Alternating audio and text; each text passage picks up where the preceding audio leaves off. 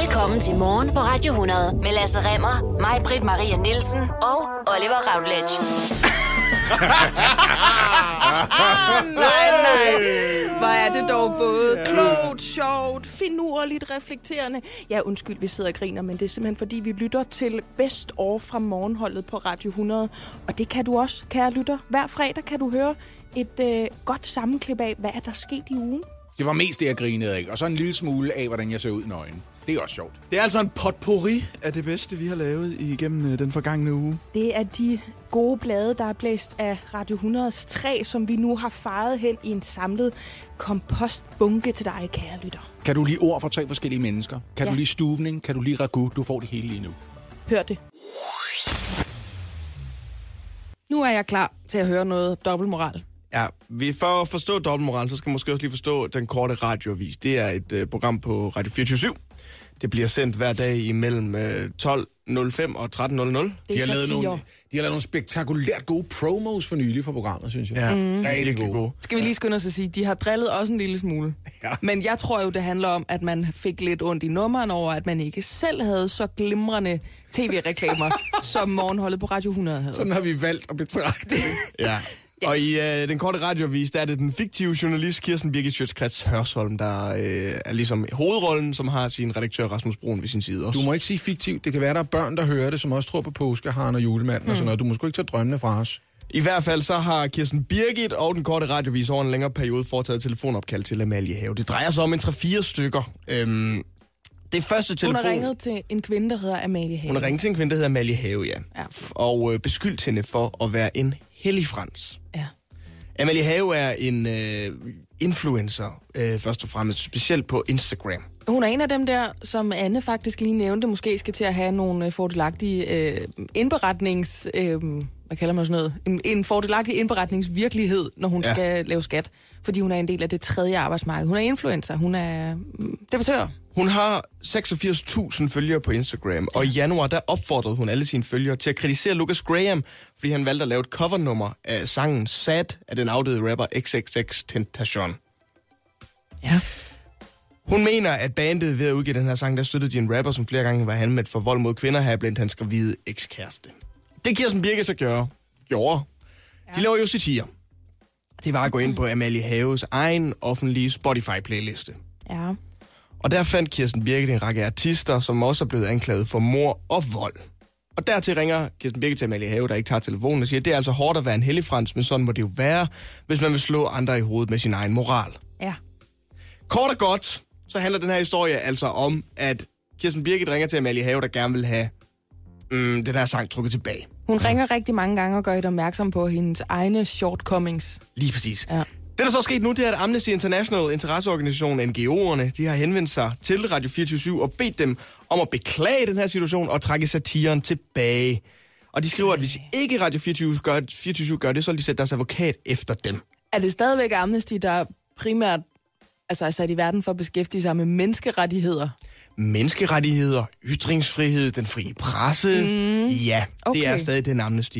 Fordi man kan jo trække tråd til, fordi i øjeblikket, der kører Amnesty International en sag med den 23 år, 33-årige egyptiske musiker Rami Sidki, som siden maj sidste år har siddet fængslet i Kairo, hvor han bliver beskyldt for at tilhøre en terrorgruppe og for at have fornærmet præsidenten på grund af en satirisk musikvideo. Okay, så det er jo det modsatte faktisk. Det er nøjagtigt Sig mig det engang. modsatte. Nu, nu konspirerer vi herinde, ikke? Nu spekulerer vi. Mm-hmm. Hvorfor vil de så gerne hjælpe Amalie Have med noget, der virker som om, at det stik modsatte af det, de så gør øh, i et andet land? Det kunne være fordi, at Amalie Have har hjulpet Amnesty International en del her på det seneste. Amalie Have har selv været udtaget, udsat for voldtægt tilbage i 2014. Ja. Og Amnesty International har lavet en ny kampagnevideo, der hedder Say Yes to Sex.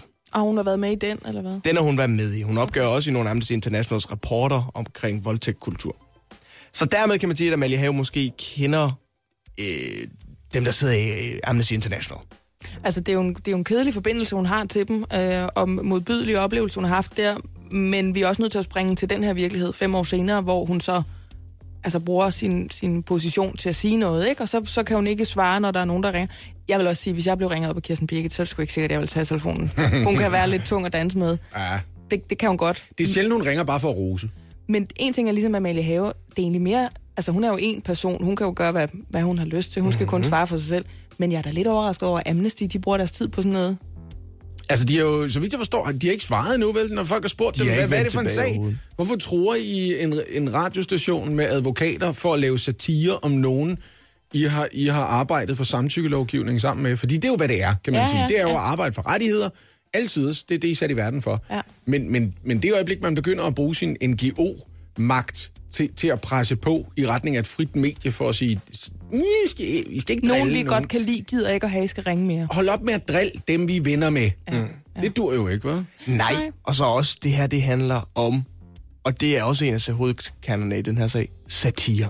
Mm-hmm. Det er satire. Og en af ligesom, grundstenene ved satire, det er, at man ligesom gerne må slå tilbage der, hvor folk de hygler over noget.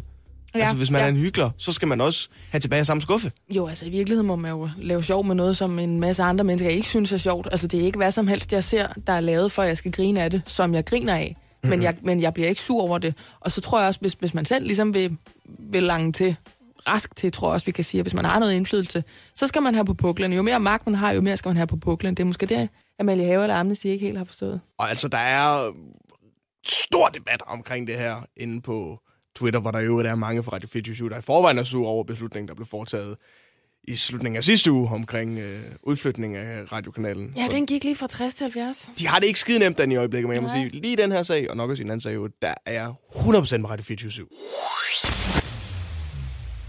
Her var det eksper- eksperiment, som erhvervsministeren Rasmus Jarlov, konservativ i parentes, øhm, foretog hen over de sidste par dage og konkluderede på i går. Og jeg tror, man skal lige tage et forbehold for konklusionen, men det tager vi sidenhen. Her var, hvad han gjorde. ja. Han satte to øh, såkaldte netpolls op, afstemninger på henholdsvis Twitter og Facebook. Og Ja. jeg siger Twitter, fordi det er et dansk medie. Ja, fordi du er 46. Ja. ja. Øhm, men det var præcis den samme afstemning, den havde den samme ordlyd, og den lød ganske enkelt. Hvem har den bedste udlændingepolitik? Og de to svarmuligheder var Dansk Folkeparti og Alternativet. Nå, for filen. Ja. Og hvad blev udfaldet så? på- Udfaldet bliver for Twitters vedkommende, at 19 procent mener, at Dansk Folkeparti har den bedste udlændingepolitik mod 81 procent til Alternativet. Og på Facebook er tallene stort set omvendt. 83 procent svarede Dansk Folkeparti, og 17 procent svarede Alternativet. Se, for det første... Okay, det er lidt... Altså, når man kigger på det sådan lige på 20 meters afstand, så tænker man, der er jo ikke nogen af de to afstemningsresultater, der lyder som om, de afspejler den nærmest 50-50-orienterede mm. deling af befolkningen, man oplever i en lang række andre sammenhænge. Men, men nok så vigtigt, hvis man ser bort fra, at hvis man sætter en Facebook-afstemning op øh, som konservativ erhvervsminister, mm-hmm. så ender algoritmen nok med at skubbe den i hovedet på en masse mennesker, der i forvejen følger en konservativ erhvervsminister, som derfor nok vil være mere borgerligt sindet. Så det er med vildt, at resultaterne er så forskellige, som de er. Altså, jeg tænker, det er lidt ligesom, hvis man går hen til den gruppe af mennesker, der står og er lige ved at blive lukket ind til en rundvisning på Carlsberg, og spørger, om de kan lide øl. Så får man et andet svar, end hvis man bare spørger nogle af dem, der går forbi ude på, jeg vil lige sige, Valby Bakke, ikke? Det er der nok noget om. Ja. Så på den måde er tingene påvirket, men det bemærkelsesværdige er også, da han sætter afstemningen op på Twitter, altså der bliver han hejlet igennem af kommentarer, som alle sammen bliver liket, det kan man på Twitter, af væsentligt flere mennesker, end Rasmus Jarlov oplever hvorfor liker hans bliver- oprindelige afstemning. Nu igen, jeg kan undskylde mig med, jeg holder op foran mig, at jeg ikke er på Twitter. Men Mhm. mm-hmm. hvorfor bliver folk så skidesure over det? Altså, Ja, se, det er bemærkelsesværdigt. Rasmus Jarlov har, kan man se, da han fremlægger resultatet, en tilbøjelighed til at synes, at det er fordi den overordnede stemning på Twitter er påvirket af, at det er i høj grad journalister, meningsdannere, folk i eliten i storbyen, og altså ikke repræsentativ for det konkrete Danmark, som nogen har valgt at kalde det. men som også har en tendens til at være røde eller radikale, ikke? Det vil også være hans påstand. Han ja. Siger, at den generelle stemning på Twitter er mere venstreorienteret end den generelle stemning i samfundet i det hele taget. Og bemærkningerne er heller ikke med Rasmus Jarlov på den oprindelige afstemning, før han afslører sit ærne. Efterhånden som resultaterne løber ind, for hvis man stemmer, så får man jo lige lov til at se det forløbige resultat, mm. og man kan også sidenhen følge med i, hvordan det udvikler sig, når man først har afgivet en stemme. Skriver for eksempel skuespilleren Carsten Bjørnlund, han skriver, fik du det resultat, du ønskede? Og det liker sådan noget et halvt hundrede mennesker. Og det er jo sådan et spørgsmål, som siger, hvad kan du se, folk bedre kan lide alternativet, er måske underteksten i en. Ja. kommentar som den. Og der skriver Rasmus Jarlov helt tørt som svar til det. Ja. Fordi på det tidspunkt har han endnu ikke afsløret, hvad intentionen øh, med, med at sætte de to parallelle afstemninger Okay, op. ja, ja. jeg forstår godt, hvordan det skulle have været sådan en, åh, den går nas. Men han vidste ikke, det er dig, den kommer til at gå nas på. Jeg tænker måske, at hvis der er et formål, som også bør trænge igennem til nogle journalister, måske, i, hver- altså måske hvis man spørger Rasmus Jarlov i hvert fald, mm. så er det pas på med at gøre journalistiske historier ud af, hvad du formoder af folkestemningen, baseret på, hvad du ser på Twitter. Så det folk, de bliver sure over, det er, nej, du må ikke gå ud og sige noget generelt om, hvordan vi alle sammen har det, for det kan du ikke vide, når du laver undersøgelser. De har to steder, som har en algoritme, der er politisk til den ene eller til den anden side. Rasende danskere, kolon, et eller andet, og så er din kilde, at du har fundet nogle tweets. Ja, ja. Det, jeg tror måske, det er lidt af det, det handler om. Og måske handler det også om en frustration over, over at være en af øh, spidsfolkene i et skrumpende øh, borgerligt parti op mod et valg. Og så Det har tror man jeg lyst da ikke har noget med det at gøre. Nej, det har Det ingenting tror jeg da med det ikke har noget Kan det være, fordi det der snart er valg? Kan det, være, kan det være en del af det lige at gøre opmærksom på? Jeg synes faktisk ikke, at det er fair, den måde. Vi får ikke alle sammen lige meget tale. Men det er også lidt som at sige, at der er flest mennesker, der bare elsker at gå på arbejde, der har en LinkedIn-profil. Altså, der kommer også et forskelligt resultat ud, tror jeg, hvis man er der, ikke? det er, det er nok også lidt det, ikke? Altså, Jo. det er også en undersøgelse af, hvordan forskellige platforme fungerer forskelligt, og ikke at nogen har ret og nogen tager fejl. Ja. Må kvinder have et lige så aktivt sexliv som mænd? Den debat er blusset temmelig meget op igen, efter to deltagere havde sex i reality-programmet X on the Beach. Det er Kanal 4, der har den øh, programserie. Og det drejer sig altså om Fie Lausen, som vi har nævnt et par gange allerede nu, og så en mandlig deltager, der hedder Jeppe Rissager. Og de har altså haft sex for åben skærm, og efterfølgende har det altså udløst en storm af negative kommentarer på sociale medier, og de er udelukket rettet mod den her øh, 22-årige kvinde, altså Fie Laversen. Og der er vi lige nødt til at have en overordnet samtale om nu. Hvorfor er det, at hvis en mand og en kvinde de er sammen, uanset om det er casual, om det bliver filmet, whatever, hvorfor det er, er det så, at manden han ligesom kommer ud med flere fjer i hatten, end kvinden gør? Fordi er jo, der er jo ikke nogen, nu bruger jeg et udtryk, der er jo ikke nogen, der boller nogen, men alle boller med nogen. Hvorfor er det, vi stadigvæk har den der forskellighed? Hvis jeg, hvis jeg går i byen og scorer en fyr og hiver ham med hjem, øh, så skal jeg passe lidt på, fordi så kan det være, at jeg er blevet sådan lidt, lidt billig. Så har jeg en værdi, der kan falde, som om mm. det er en præmie. Men hvis en fyr han gør det samme med mig og trækker mig med hjem i reværet, så har han en pokkerskal dagen efter. Og tillykke med det, fordi han ligesom har fund, vundet den der pris. Mm. Hvorfor er det, Lasse? Jeg synes, det er skide irriterende. Vi er jo mennesker alle sammen. Vi må da have lov at gøre, som vi har lyst til. Det er jeg enig med dig i. Det ville jeg også synes var den dejligste situation overhovedet, ja. hvis alle bare kunne gøre det. Min fornemmelse er, at der er sådan et efterslæb for den seksuelle revolution i 70'erne, hvor man aldrig rigtig blev færdig, og hvor alle ligesom samlede benene igen, og der kom nogle sygdomme, vi ikke havde hørt om før, og så blev ja. Alle lige pludselig enormt påholdende igen. Og værdien af at være en dydig mand og en dydig kvinde, blev lige pludselig altså, Men sat altså, på spidsen igen. det der med at være en dydig kvinde. Og jeg tror altså, og du er velkommen til at afbryde, men jeg tror, det har noget at gøre med, at hvis kvinder og mænd bliver ved med at have en eller anden fælles fortælling, en rammefortælling om det romantiske, om det seksuelle møde, som er, at kvinden er sådan en, der skal sige nej et par gange, indtil hun skal sige ja, så bliver hun til en pris, hvis størrelse ligesom er udslagsgivende for, hvor dygtig manden har været. Mm. Altså, så bliver han belønnet med, at han til sidst må nedlægge hende, eller har scoret hende, uanset altså, med hvor meget gevald, der så hører med til det. Så bliver der jo netop en værdi over at give sig selv væk. Og når man lige så snart man har etableret en værdi, så kan man falde i værdi. Det vil sige, så har vi ordet, at hun er billig. Men hvorfor er det, en mand ikke er billig? Altså, fordi der er jo nogen, der skal have sex med de her øh, mænd, der altid bliver belønnet for at være nogle øh, pokkers kale, når de kan være sammen med mange kvinder. Men altså under alt det her, og under Tinder og Happen og hvad fanden alle de her ting, man kan downloade til sin telefon, der gør, at et seksuelt møde næsten kan blive relationer. ligesom... Det er næsten just eat, bare for knald. Ja, ja. Øhm, og, og uden leveringsgebyr i øvrigt. Altså, hvilket jo Det koster også, en flaske rødvin. Nu skal jeg passe rigtig på med at være 46 år gammel og lyde enormt misundelig, men det havde vi jo ikke dengang jeg var ung, det der. Du der skal passe på med, at det ikke kommer til at lyde, som om du er gået glip af noget. Men det er du, og fortsæt. Jamen, det er helt okay med mig. Det, er ikke, det er ikke okay med mig, men det er nogenlunde okay med mig. Jeg har forlidet mig med tanken. Ja. Øhm, selv med alle de ting, og selv med en øget seksuel frihed, og, og, og more power to you, og hvad er det dejligt for unge mennesker, så er det stadigvæk sådan, at hver eneste gang, man graver en lille smule i det, så viser det sig, at mænd skyder lidt mere med spredehavl, og kvinder har lidt mere præcisionsriflen med hjemmefra. Altså, Ja. I, I vælger stadigvæk mere kredsen, end mænd gør. Og på den måde, så vil man kunne sige, at, At for at komme det her til liv, skal kvinder altså gå i seng med nogen, de ikke synes er helt lige så lækre. groft sagt, fordi du ved, mænd er, mænd er stadigvæk måske, hvis man runder det af, nødt til at arbejde en to, tre, fire gange så hårdt for at opnå det samme resultat. Men der, der, der bliver det jo en cirkulær Altså, forklaring igen.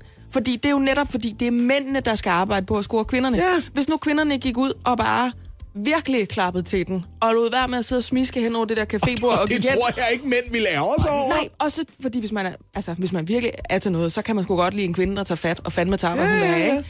Så kommer man det jo netop til livs, at så er det også kvinder, der kan score. Så jeg tror måske, kvinder skal lade være med at være sådan nogen, der skal scores og skal væltes bagover i dundende kys. Og så i stedet for at sige, hvad så, kammerat? Skal du med hjem og se, hvad farve mit loft har, eller hvad? Altså, med, Så kan det godt være, at der er nogen, der siger, jeg er mere til de gamle klassiske kønsroller, hvor det er mig, der tilbyder dig hjem, så du på et tidspunkt forholder dig til, om du gider at beskæftige dig øh, med min tidsmand. ja. Men jeg tror altså, det er der, den skal startes, fordi så devaluerer vi hele det der, du er en pris, og jeg skal gøre mig umage ramme fortælling. Jeg kan kun anbefale det, fordi af forskellige årsager, som det vil føre for vidt at begynde at navlepille i her, så har jeg jo typisk været den lidt påholdende, når jeg er begyndt at date nogen. Jeg har typisk været den, der sagde, jeg synes det, nej, jeg vil godt høre lidt mere om dig. Jeg vil godt vide, hvem du er, og finde Ja. ud af, om jeg kan lide dig. Lige spørge ind til slægten og noget. Lige tjekke et stamtræ og finde ud af, er der en eller anden form for genetisk defekt fire generationer tilbage, eller sådan noget. Hvem er du i øvrigt, og Ja. hvad gik du til spejder som 9-årig og den slags? Fordi jeg vil gerne vide, om du kan løsne et knop op. Men jeg synes, jeg synes under alle omstændigheder, at det er enormt Alice. rart ved det, ved den omvendte ting, det er, det er sket flere gange, og det er jeg synes rigtig godt om. Er der en kvinde, der er kommet til et punkt, hvor hun decideret har set mig i øjnene og sagt, det er meget hyggeligt alt det her, skal vi nogensinde knalde? Ja, Det er enormt rart ligesom at sige, jamen nu du spørger, så kan vi da... det kan vi da godt. Ja, hvor ser du dig selv om 20 minutter? Jeg havde bare ikke lige regnet Hvis det er med, en jobsamtale, det her. at Fie Laursen nogensinde skulle være sådan en, hvor man siger, at hun siger faktisk det samme som den der, I godt huske den der rapport øh, fra sidste sommer fra VIVE, Ja. det forsknings- og analysecenter, der, for, der fortæller, jamen, øh, vi har testet det her på nogle af de ældste skoleklasser. De har altså stadigvæk en opfattelse af, at piger, der har et lige så aktivt seksuelt liv som drenge, de er jo bare mere eller mindre vokaler omkring det, de bliver stadigvæk set som billige. Mm. Men, men igen nu, det her, det var noget reality, så kan man se det i kommentarsporet. At, at vi går alle sammen rundt og siger til hinanden lige i hovedet, kvinder og mænd skal være ligestillede, men lige så snart de opfører sig ligestillet, så synes vi, kvinder, kvinder er billige, og mænd de er, er nogle konger. Den er, den er jeg med på. Det er tre kvarter siden, vi snakkede med Rasmus Jarlov og sagde, måske skal man også være forsigtig med, hvem det er, der stiller spørgsmålet, før man konkluderer på, hvad det er for nogle svar, man får. Måske er det lidt, lidt det samme i spil, fordi Fie Laversen er også en, en influencer, og hun henvender sig til 100.000 vis af unge mennesker, og hun bringer sindene i kog i forvejen, så folk er måske mere tilbøjelige til at bjeffe løs af hende allerede, fordi de har noget historik med hende. Det kan godt være. Men der er i hvert fald en tendens til, at man bliver mere provokeret over kvindelig aktivitet end mandlig. Det er skal rigtigt. vi lige holde lidt øje med. Ja, det, er og det kan ikke være rigtigt. Nej, det kan det ikke. Forestil jer lige, at jeg har noget øh, ternet på i dag i tweet. Måske en lille smule som Olivers jakke, men i hvert fald ikke den her øh, kakigrønne buksedragt, som igen, Oliver, du har allerede været ude med riven i dag, har sagt minder en lille smule om noget, Fidel Castro måske ville have gået med. Og er det noget business suit-agtigt til en efterårsdag, eller er du på vej på jagt? Mm, noget derimellem. Jeg er mere i gang med at bede jer to om at læne jer blidt tilbage på en form for divan ved siden af den der øh, pakke med Kleenex. Jeg forestiller mig, at du er i Skotland på jagt med Anders Holk Poulsen. Jamen, det skal du ikke. Du skal forestille dig, at jeg er din psykolog, og derfor har jeg noget tern på. Nå, okay. På sådan en autoritetsmåde, ikke? Mm-hmm. Og så læner I jer tilbage, mm. og så spørger jeg nu, har I en følelse af, at de succeser, I har opnået, for eksempel at sidde her, bare er fordi, I har været heldige? Har I en fornemmelse af, at alt det, I har opnået i jeres liv, som I er glade for, som I bliver rost for, som I bliver anerkendt for, det er snyd og bedrag, og at på et eller andet tidspunkt, så vil folk opdage, at I bare snyder? Det bryder mig faktisk ikke om, at du lige kratter i det der. Nej, det vil jeg det- gerne indrømme. Det Nej. synes jeg ikke er så rart, det der. Jeg kan, Nej. jeg kan mærke, at du rammer noget i mig der, Ja, det som er jeg ikke rart. bryder mig om. Men ved I, hvad det er, jeg rammer? Jeg rammer det, der hedder imposter syndrome, eller bedrager-syndromet. Og mm. det tror jeg lever rigtig meget i os alle sammen, fordi jeg havde, jeg vil nærmest kalde det en form for anfald i går, hvor jeg lige pludselig blev i tvivl om, jeg ved, om jeg overhovedet kan finde ud af noget. Sådan kan damer nogle gange godt få det. Jeg tror også, mænd kan få det, men særligt med damer, det har noget med en cyklus at gøre. Og så kan man få det sådan, nej, jeg kan slet ikke finde ud af noget. Jeg er bare en, jeg er bare en lille idiot, og alt, hvad jeg er god til, og alt, hvad jeg øh, får løn for, eller bliver rost for, det er bare et tilfælde, eller det er bare held, eller det er nogen, der har hjulpet mig. Fordi dybest set, så kan jeg jo ikke noget selv. Og bagsiden af det, det som ligesom bliver konklusionen hver gang, hvis man lider af det, der hedder imposter syndrome, altså bedragersyndromet, det er, at man ender med at være bange for, hvornår finder de andre ud af det. Uh. Hvornår finder de ud af, at jeg ikke, jeg kan ikke noget, det er bare held. kommer de hen og siger, at du har været i tre år, men vi har bare gået og grinet af dig, Ja, fordi det, nej, du kan det er bare ikke. spil for galleriet. Ja. Ja. Og ved I, hvem der har en tendens, en overvejende tendens til at lide af det her imposter syndrom, altså i større eller mindre grad? Jeg har et gæt, men jeg vil gerne høre svaret. Okay, øh, ledere. Nå. Folk, der har øh, rigtig meget ansvar, og som typisk har succes, og som er karriereorienterede, og som arbejder sig op. En del af dem, mere end dem, der ikke har den slags arbejdsopgaver, øh, opgaver, de har en oplevelse af, jeg er ikke rigtig god, men jeg, jeg gør mit job, og så, så håber vi, at det holder vand, det her. Jeg læste en artikel for nogle år siden i en af de britiske aviser med højt likstal, Ja. som groft sagt sagde det her. Prøv at høre. Her er en konkret situation, hvor selv for eksempel Barack Obama, han bare wingede den. Ja. Altså, han har siddet med en fornemmelse af, jeg tror, det her det er rigtigt, men who knows? Det vigtigste det er, at når jeg ser verden i øjnene, så lyder jeg som om, det er det eneste rigtige svar, det her. Og, og, og argumentet i artiklen, det var, selv på det allerhøjeste niveau i samfundet, der sidder der folk, der engang man bare tænker, det ved jeg ikke. Men nogen skal jo træffe en beslutning. Ja. Jeg håber, det er rigtigt. Men kan I genkende det? Kan du Jeg genkende kan det, godt Oliver? genkende det, ja. Ja. Og altså, ja, jeg bryder mig ikke så meget om at snakke om det, faktisk. Ja, jeg godt havde faktisk, det var egentlig for at præsentere det på en sjov måde, men Oliver rent faktisk mærket, at det. Så må man er bange for, at vi på et tidspunkt skal sige, og Oliver, det er dig, vi snakker om. Men det er en helt reel ting, og jeg synes, uanset om man er en mand eller en dame, eller hvorhen man er i sit arbejdsliv, hvor stor en post man bestrider, og hvilken løn man får, tænk lige over, at du tager ejerskab over det, du mm. kan. For du er der af en grund. Det Ved var du, ikke et det også- tilfælde, at du fik den stilling. Ved du, hvornår det også rammer en? Nej. Når man får børn og opdager, at ens forældre vidste heller ikke en skid. Nå, ja, det er rigtigt. Ja. Et rekordstort antal mænd og kvinder i Danmark er i gang med en kønsskifteproces. Det bekræfter Center for Kønsidentitet, også kaldet CKI, på henholdsvis Rigshospitalet i København og på Aalborg Universitetshospital. Og ledende overlæge for Center øh, for Kønsidentitet, det er dig, Malene Hilden. Godmorgen. Ja, det er det. Ja, godmorgen. Hvad skyldes den her enorme fremgang fra 19 mennesker, der søger om en kønsskifteproces i 2016, til omkring 350 mennesker i 2018? Hvad, altså, hvorfor sker det her? Hmm. Det, det skyldes jo nok flere forhold. Først og fremmest, så, øh, så har man nok generelt over de senere år oplevet en større accept og forståelse som generelt i samfundet over for det at være transkønnet. Man taler mere åben om, der er transkønnet, der står frem, for eksempel i pressen og fortæller deres historie. Og det er ikke øh, tabuiseret på samme måde som tidligere. Og man kan sige, at øh, sådan generelt, jo, me, jo mere folk er oplyst, jo færre fordomme er der også. Og så er det også nemmere at stå frem, øh, hvis man har de her tanker og eventuelt søge behandling. Ja. Så det er ligesom den ene del af det. Og den anden del er, at man politisk selvfølgelig også har været påvirket af de her holdningsskift. Øh, og, og, og derfor har der været et pres på at få kigget på, hvad er det for en behandling, vi tilbyder? Kan vi gøre det bedre? Og der har Sundhedsstyrelsen blandt andet været inde øh, over de sidste cirka fem år og lavet nye vejledninger, hvor vi nu tilbyder, kan man sige, behandling til en større gruppe af patienter, end vi har gjort tidligere.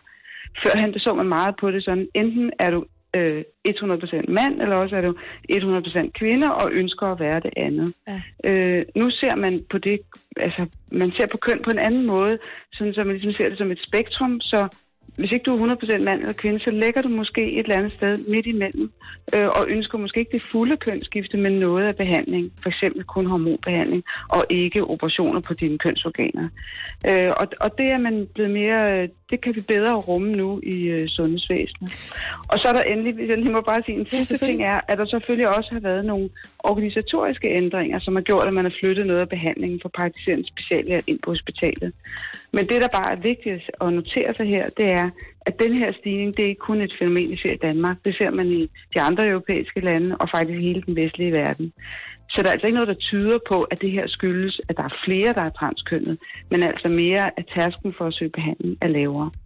Og den udvikling øh, er jo som balsam i mine ører. Mig, der kender og elsker mennesker, som bokser med de her ting. Øh, og det var også derfor, jeg startede for lidt siden med at slå fast, at man vælger altså ikke øh, sit køn. Øh, man affinder sig med det. Hvis det var et valg, så ville man nok mm. vælge noget lidt nemmere, end at blive udsat for tilråb og vold og hets og trusler, hvad de her mennesker altså ellers skal finde sig i, stik imod os andre, som, øh, som oplever en overensstemmelse imellem følelser og, og udseende.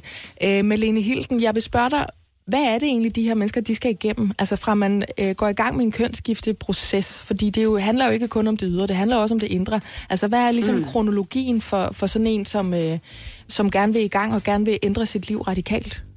Mm. Altså den første proces, den er jo nok startet meget tidligt med, at personen har gået og haft de her tanker, måske læst noget på internettet, eller ligesom prøvet at finde ud af, hvad, hvad handler det her om. Men når, når man er der, hvor man ligesom har erkendt, at det kan godt være, at jeg, der er noget her, og jeg eventuelt vil have noget behandling, jamen, så er det første skridt vil være, at man taler med sin egen læge, og så er det egen læge, der henviser ind til, øh, til Center for Kønsidentitet. Og så vil man typisk komme ind til os og blive tilbudt nogle samtaler. Det vil typisk være med en psykolog, hvor man ligesom får talt om, jamen, hvad er det for nogle tanker, du har? Hvad kunne du godt hvad for nogle ønsker har du, hvad forestiller du dig, og, og ligesom blive bedre til at få afklaret, hvad er det, jeg skal her, og er det det rigtige, som du lige sagde før, det er ikke bare sådan vupti vupti, så skifter man køn. Det er en svær proces, øh, så, så der skal også være noget opbakning, der skal være noget netværk, der støtter op omkring det. Øhm, men, men så får man ligesom afklaret det, og så øh, hvis man ønsker hormonbehandling, så taler man med en gynekolog, det er sådan en som mig. Så taler man omkring øh, hormonbehandling, hvordan øh, fungerer det. Og så er det sådan, at som det er nu, så, så sidder vi øh, i det, øh, det, vi kalder et multidisciplinært team, det vil sige, at man sidder plastikkirurger, gynekologer, psykologer og eventuelt psykiater, og sammen ligesom lægger en behandlingsplan for den enkelte patient. Der er flere selvmordstruede blandt i særdeleshed unge transkønnede.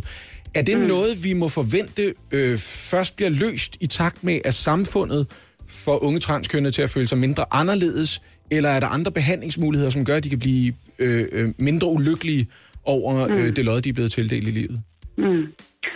Jamen, godt spørgsmål. Altså, det vi jo ved, det er, at, at transkøn som generelt har dårligere psykisk helbred øh, har det sværere, har flere angst- og depressionsproblematikker, og som du også nævner, øget selvmordsrisiko. Der er noget, der tyder på, at, øh, at når man så kommer i behandling, altså når man erkender, at det er det her, det handler om, fordi de første år, der er det måske bare noget udefinerbart. Hvorfor føler jeg mig forkert? Mm. Jeg kan ikke finde ud af at være i de sociale sammenhænge, jeg er i. Og så når man så kommer i behandling og har erkendt det her, så er der faktisk rigtig mange, der får det bedre. Øh, men, men, øh, men, men alligevel ser vi, selvom man kommer i behandling også, at for eksempel selvmordsrisikoen er øget i den her gruppe. Så ja, jeg er helt sikkert en, en større forståelse, og der tænker jeg, at vi er faktisk blevet meget bedre til at rumme de her mennesker i vores samfund. Men, men der er ingen tvivl om, at de bliver udsat for, øh, for hate crimes og, og diskrimination i stadigvæk. Malene Hilden, overlæge og leder af Center for Kønsidentitet på Rigshospitalet. Tusind tak for det daglige arbejde, du laver, og tak fordi du vil være med her til morgen. Jamen velbekomme. Tak fordi jeg måtte. Det tog næsten to års arbejde, 22 samfulde måneder for den tidligere chef for FBI, Robert Mueller, at blive færdig med sin undersøgelse af, om Donald Trumps valgkampagne i sin tid var baseret på samarbejde med russiske myndigheder. Et forsøg på at påvirke det amerikanske valg. Og det blev til en pur frikendelse af det forhold. Til gengæld så er Robert Mueller ikke 100% klar i mailet om, om Donald Trump sidenhen har forsøgt at hindre efterforskningen af, hvad der muligvis kunne være sket under valgkampen. Men det er gode tider for Donald Trump i det hele taget. Spørgsmålet er, hvor længe var de gode tider ved? Det kommer vi til at tale om lige nu. I røret har vi Anders Agner, chefredaktør på kongressen.com og journalist med speciale i amerikansk politik. Godmorgen, Anders Agner. Godmorgen. Ja, altså det her, det er jo sådan, som jeg for, forstår det indtil videre på forskellige øh, kommentatorer rundt omkring, øh, rigtig godt nyt for Donald Trump, fordi der har været store forventninger fra demokraterne i efterhånden to år nu til, at det her, det vil muligvis være den pistol, man kunne plaffe ham ned med og få ham fjernet fra præsidentembedet. De Hvad har de, håbet så meget. De har, og med de har håbet så meget. De har måske endda overspillet deres hånd. Hvad er din vurdering, Anders? Jamen det har du faktisk ret i. De har helt klart overvurderet, hvad det her det kunne bruges til. Altså, det er jo ikke nogen hemmelighed, at demokraterne var i granatschok efter Trump han besejrede Clinton 2016. Altså, jeg var selv i Washington på valgnatten, og man så folk stå fuldstændig måbne med tomme blikke ude i gaderne og tænkte, hvad i himlens navn er der foregået? Hvordan kunne det her ske? Og så har man ellers fået lullet sig selv lidt ind i illusionen, der hed, det er nok på grund af noget med russerne. Hillary Clinton har jo været den fremmeste advokat for synspunktet. Den eneste grund til, at jeg tabte i 2016, var på grund af russisk indblanding og så lidt med James Comey. Det vil sige selverkendelsen af, at grunden til, at man tabte i 16, egentlig ikke rigtig er indfundet, fordi sandheden er, at de tabte i 16, fordi de førte en dårlig valgkamp, og fordi Clinton ikke var nogen specielt god kandidat. Så derfor har man sådan gået og tænkt bagefter, okay, hvordan kunne det her ske? Øh, der må være en eller anden øh, ekstern faktor, som, øh, som har været medvirkende til det her det må være Rusland. Det har de selv blevet sagt øh, ved talrige lejligheder. Da så den her undersøgelse af det russiske spørgsmål, den går i gang, så bliver det sådan lidt det her ideen om et quick fix for, for demokraternes side. At det bliver det, man håber på, kan være skovlen, man kan få under Trump, og man kan løfte ham øh, ind i en rigsret, og dermed også ud af det hvide hus. Og nu kan man sige, nu står vi så her Mueller-rapporten er offentliggjort, og den konkluderer, at der ikke er tilstrækkelige beviser for at rejse en tiltale i forhold til russiske forbindelser. Der står man sådan lidt øh, tilbage som, øh, med, altså fra demokraternes side og tænker, hmm, det var ikke sådan lige det, man håbede på, fordi nu er man nødt til at gøre det, man burde have gjort for snart to år siden. Kigge sig i spejlet og finde ud af, hvorfor var det egentlig, man tabte i 2016. Men det er jo aldrig rart at skulle erkende, at det, jeg gjorde, var ikke sufficient til at vælge et valg. Vi må hellere skyde skylden på Trump og på russerne, som til sammen kunne udrette noget. Vi synes er uduligt, men det virkede, fordi vælgerne kunne lide det. Men hvordan står Trump så nu? Altså, hvordan står han i forhold til inden Mueller-rapporten og nu? Det er klart en styrket Donald Trump, som har taget hul på den her uge af amerikansk politik nu. Altså, det har jo hængt som en sky over hovedet på ham, det her, lige siden han lagde hånden på Bibelen for mere end to år siden nu, om hvorvidt, at der vil være noget at komme efter i den her sag. Fordi Robert Mueller er en hammerende dygtig øh, undersøger, så man har hele tiden vidst, hvis noget var at finde, så ville det være Mueller, der kunne finde det. Og nu, øh, nu er den sky drevet væk. Altså, man kan ikke længere med, med rimelighed komme efter Trump i forhold til spørgsmålet om russiske forbindelser. Der er andre ting, man kan komme efter ham med, men det er klart, et af demokraternes store problemer, og hvorfor Trump han står styrket nu, det er, at han kan stille sig op med nogenlunde rimelighed og sige, hvad sagde jeg? Jeg sagde jo, at der var ikke noget at komme efter. Husk på, han har jo gentagende gange omtalt det her som værende en heksejagt mod ham. Og nu kan han så stille sig op og sige, der kan I bare se, de har jaget en uskyldig mand. Og så ved I jo lige så godt som øh, jeg og som lytterne af jeres morgenprogram, at det er jo ikke fordi, den amerikanske præsident excellerer i, i at kommunikere nuanceret. øh, tværtimod, så... Øh, He's the så greatest han communicator. Det er det, ikke? Og Ja. øh, han giver den, øh, giver den fuld gas nu på at sige, at han er pur frifundet. Helt sådan er virkeligheden ikke. Men det er det, han kan rejse rundt med. Det er det, han kan sælge til sin base, og det styrker ham helt klart. Er det et mestertræk, fordi du nævnte flygtigt James Comey, er det et mestertræk, at Trump fyrer James Comey, som altså var Muellers øh, afløser som FBI-chef øh, i, i fire år. Han fyrede ham i 2017 og sagde nærmest lige ud, ah, men altså, der er simpelthen for meget pres på mig, fordi James Comey og FBI er i gang med at undersøge det der med russerne. Kunne det tænkes, at det altså simpelthen var en snedig beslutning for at få demokraterne til at håbe på, at de fandt noget, der ikke eksisterede?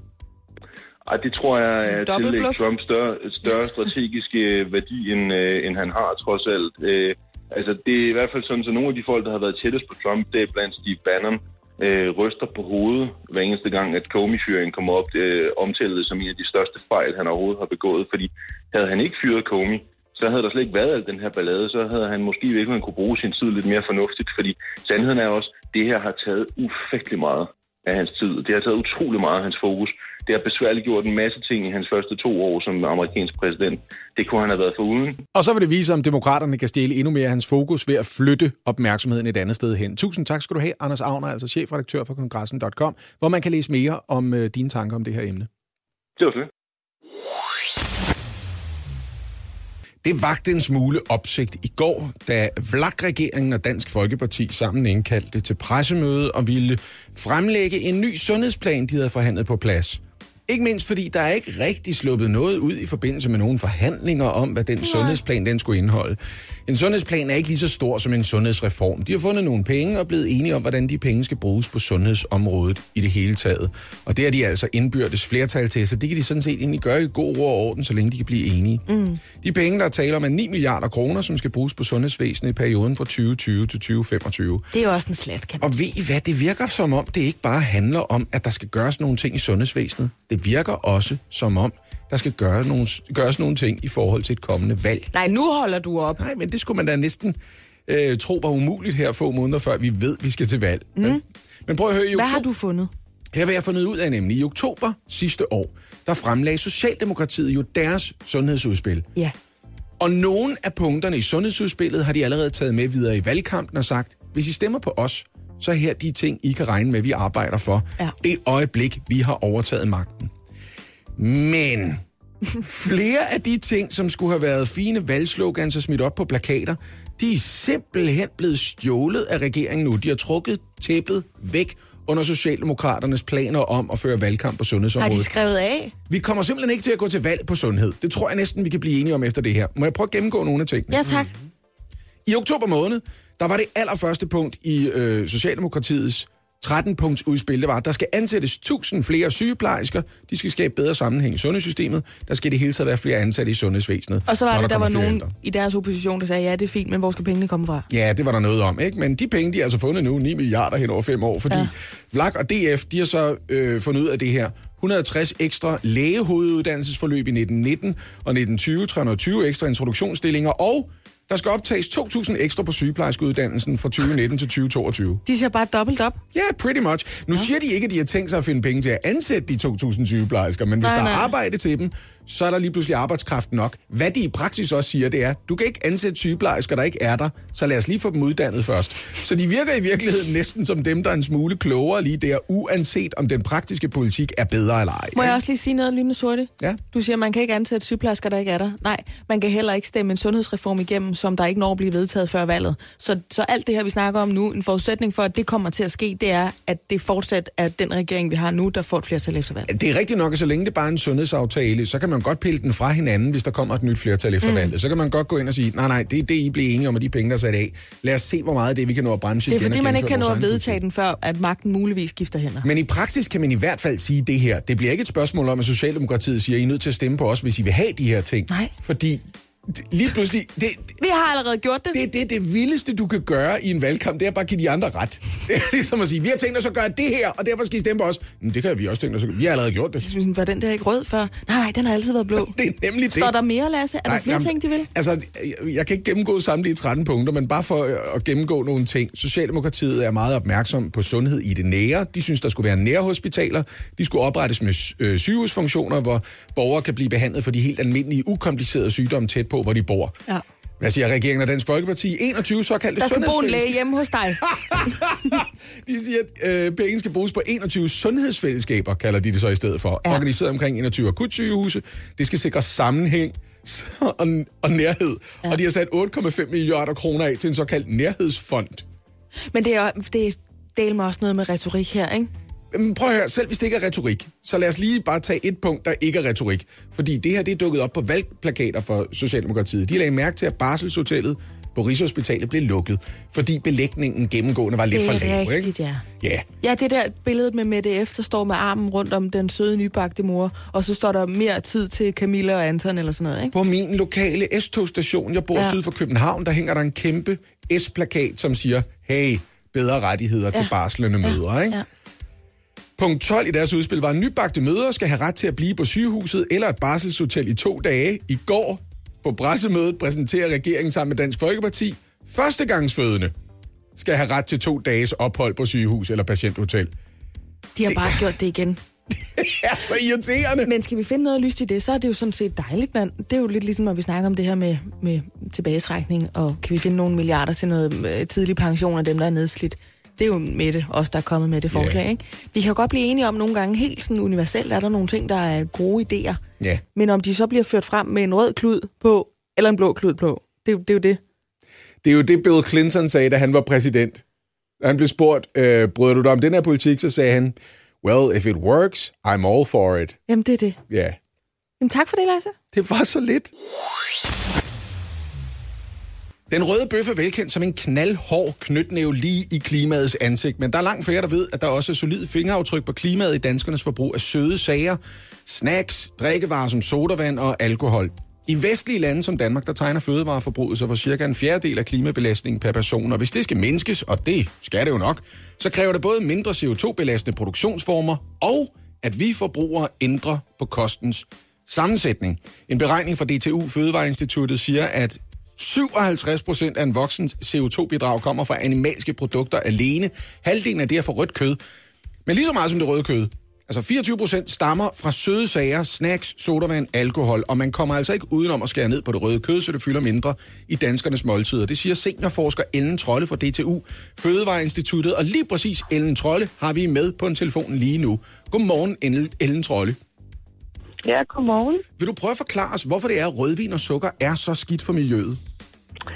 Altså det vi har gjort er jo, at vi har regnet på, på øh, øh, klimaaftrykket fra gennemsnitskosten, en voksen danskers gennemsnitskost. Og der er det, som du selv siger, at vi kan se, at der udgør de søde sager og alkoholen og, øh, og øh, også kaffe og te skal også med i den pulje. øh, faktisk en ret stor øh, del af klimaaftrykket. Og det stammer jo, øh, når man regner på klimaaftrykket, det er jo CO2-ekvivalenterne, der er forbundet med, med produktionen og med transporten og med emballagen og alt. Det er alt det, vi har lagt sammen og så har vi fået de her resultater. Så, øh, så, så det er jo en samlet del, men en stor del strammer faktisk fra selve produktionen af det, fra ingredienserne og fra, øh, fra øh, de råvarer, der indgår i produkterne. Ellen Trolle, det er jo tal og forskning, og det øh, ved jeg godt, det kan man ikke altid øh, sammenligne med en masse holdninger, eller som vi talte om lige før, hvad man har lyst til, eller hvad man godt kan lide. Men hvad søren kan vi snart spise efterhånden? Jeg synes, det virker sådan helt øh, dommedagsagtigt, at alle de der ting, vi godt kan lide, det mennesker godt kan lide at putte i munden, det er nu ikke kun usundt for vores krop, det er også usundt for miljøet. Hvad er der tilbage til os? Altså, der er jo stadigvæk øh, mange ting, og det vi siger, det er jo at skære ned på det. Så, så der er mange danskere, der med fordel kan begrænse øh, indtaget af, af søde sager, alkoholiske drikke, og der så stadigvæk er, er noget tilbage. Og det samme gælder jo, gælder jo også de andre produkter. De animalske produkter har stadigvæk en plads i, i den danske kost, og hvis vi ser på kostrådene, så, så øh, er det jo et spørgsmål om at spise mere frugt og grønt og fuldkornsprodukter, men der er også stadigvæk øh, animalske produkter, når man snakker ser på kostrådene. Så, øh, så der er stadigvæk noget tilbage. Det er et spørgsmål om at skrive og, og spise mere i balance. Ja. Men samtidig kan man jo også, er der jo også noget andet, man kan se på. Der er også et kostråd, der siger, at man ikke skal spise for meget. Så det er også en god idé ikke at spise mere, end man faktisk har behov for. Og endelig så skal man heller ikke købe mere ind, end man har brug for, så man undgår at have for meget madspild. Det er også noget, der vil batte noget. Det er selvfølgelig også en del af klimaargumenterne. Lige her afslutningsvis, øh, Ellen Trolle, ser du det her med, at hvis man spiser sundere, så har det faktisk også en positiv effekt på vores allesammens klima og på vores allesammens planet, som en positiv sidegevinst til hovedformålet, som var at redde den her planet? Eller kan det næsten være sådan en lille opfordring til, når nu du er i gang med at kære dig om klimaet, så mm. pas, pas lige på din krop også? Ja, altså vi, vi ser det jo sådan, at de, at de to ting kan gå hånd i hånd, og det er det, vi gerne øh, også vil regne mere på at komme med mere øh, konkret baggrundsmateriale, så Fødevarestyrelsen kan komme ud med nogle, øh, nogle øh, kostråd, som også er bæredygtige, som, hvor vi også ser på andre øh, miljøfaktorer end bare klimaet. Der er jo også øh, arealudnyttelse, vandforbrug og øh, biodiversitet, som skal med ind i regnestykker. Det er noget af det, vi skal se på de kommende år. Det er komplicerede regnestykker for lægefolk, som også i hvert fald, og det er ja. derfor, det er rart at kunne læne sig op af øh, for eksempel forskning fra jer hos øh, DTU, Fødevareinstituttet. Tusind tak for at gøre sådan en smule klogere, seniorforsker Ellens rolle. Ja, så tak. Så har vi modtaget nyheden om, at nummer to selvmord i kølvandet på det britiske reality-format, der hedder Love Island, desværre øh, er hent. Vi er nødt til at tale lidt om, hvad det gør ved mennesker at være med i et reality-program. Hvad gør det ved os, at man drikker sig fuld, at man skændes, at man på det nærmeste slås, har sex, forelsker sig for åben skærm, og hvad gør det ved os, at andre mennesker har en holdning til os? Kan man blive afhængig af at blive elsket af alle, og kan man blive dybt ulykkelig og selvmordstroet, simpelthen suicidal, når der pludselig er nogen, der ikke kan lide en mere? Vi skal også tale om, hvad det er for et tilløb, der er til de her reality-programmer, og om der er øh, en tendens til, at mennesker har en skrøbelighed indbygget i sig, og derfor søger til de her formater, eller om det simpelthen er tv-programmerne, der gør det ved de unge mennesker, der deltager i dem. Og til at hjælpe os lidt på vej med at forstå den her ulykkelige problemstilling, der har vi Ulla Dyrliv med på en telefon. Godmorgen, Ulla. Godmorgen. Du er autoriseret psykolog og har god forstand på at tale med mennesker, der har været en del på fjernsynet. Blandt andet har du øh, hjulpet folk, der har været med i sådan et format som X-Factor, der må sige at have øh, en stor impact på folks liv. Hvordan ser du på det her? Altså, nu sagde vi før, det er jo det der, altså, er, er det skrøbeligheden, der findes i mennesket, eller er det noget, de her programmer gør ved unge mennesker?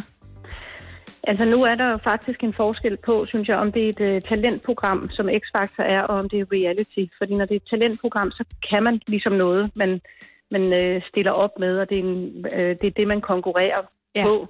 Ja. Og uh, reality, der er det jo personligheden. Det, og der, det kan være svært, fordi hvis man er en fed personlighed, så, skal, så føler de måske, at de skal lave mere og mere utrære ting for at øh, være en vildere personlighed end den, de var fra Ja, start. ja. Så reality er helt klart øh, der, hvor vi skal have den, det allerstørste, Men hvordan den ser du største så? opmærksomhed. Altså har man, søger man mod et reality-format, fordi man har en trang til at blive anerkendt, eller man er skrøbeligt bygget, eller er det noget, programmet kunne gøre ved hvem som helst? Altså kunne det være mig, der havde en, en dårlig oplevelse med mig selv, efter jeg havde været med i det? Hvordan ser du det, Ulla Dørle? Altså, det kan jeg, jeg kan selvfølgelig ikke udelukke det, men jeg, jeg deler det lidt op i tre kategorier. Øh, og det, det, den ene er ligesom dem, der har brug for en pause, som det lige så godt kunne være øh, et højskoleophold eller en rejse, de tog ud på. De er egentlig glade for deres liv, men de har brug for at stille livet lidt på pause. Ja. Og så er der dem, der, øh, dem, der har øh, mistet. Der er rigtig mange, der kommer, som føler sig tomme, som ikke kan mærke sig selv. De har mistet et nærstående familiemedlem, eller på anden måde har haft oplevet noget virkelig øh, traumatisk, traumatisk. Og så er der den sidste gruppe, som er dem, som jeg synes er de mest udsatte. Det er dem, der øh, er ensomme, savner, altså ikke har nogen venner, ikke har nogen kæreste, og som øh, er ked af deres øh, liv, og egentlig tager afsted i håbet om, at det vil redde deres liv. Ja. Ja, det er sådan de tre hovedkategorier, jeg deler det, og jeg ligesom har oplevet, jeg, jeg ser. Ja, den der søgen der, altså hvis man søger efter at definere sig selv ud fra andres oplevelse af en, så kan man måske have nogle dybere liggende problemer, som reality-deltagelse bare er et symptom på, eller, eller hvordan? Ja, præcis. Altså, og, og det kan også være sådan, at man, at man bliver enten forelsket i en af dem fra produktionen, eller bliver, føler, man er blevet venner, fordi at tv-folk er meget kærlige og søde og, øh, og omsorgsfulde og dygtige til det, de laver. Ja. Øh, men det betyder også, at der er nogen, øh, en bestemt gruppe af sårbare mennesker, som er i den kategori, jeg lige nævnte der, som dem, jeg er mest opmærksom på, som tror, at nu er vi blevet venner. Men det slutter jo, når produktionen stopper, og øh, så bliver det vist, og så kommer der måske alt det her, hvor man så slet ikke får den øh, gode berømmelse, man havde håbet på, og så står man bare tilbage med det der liv, man egentlig flygtede fra.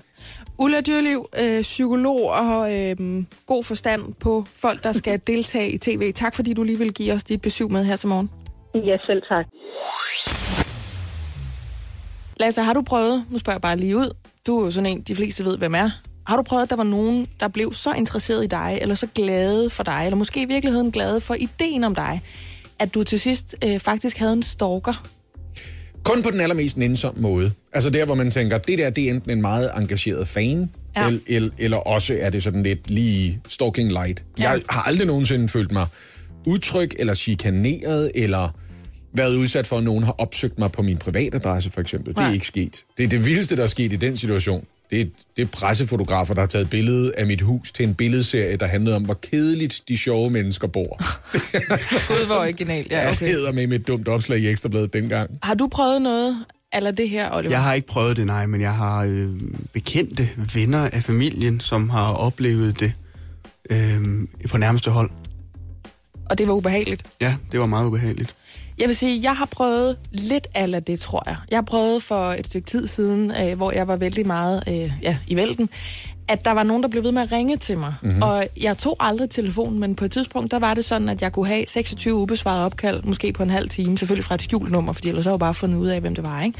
Og jeg tror måske, det var, fordi jeg ikke var nysgerrig nok til at finde ud af, hvad er det her for noget? Altså, er det, det kunne jo være en eller anden øh, dum sælger, men det kunne også være nogen, der synes, at jeg var dum, eller havde sagt noget dumt, eller skrevet noget dumt. Eller, Eller at du måske- var attraktiv. Det kunne at jeg var særlig mulighed, dejlig, ikke? eller Ja. et eller andet. Ikke? Mm. Men det er det, der skræmmer mig så meget, at der ligesom, for mig at se, kan der være to grobunde i det. Altså, der kan være noget vrede, og noget had, og noget indignation, og noget...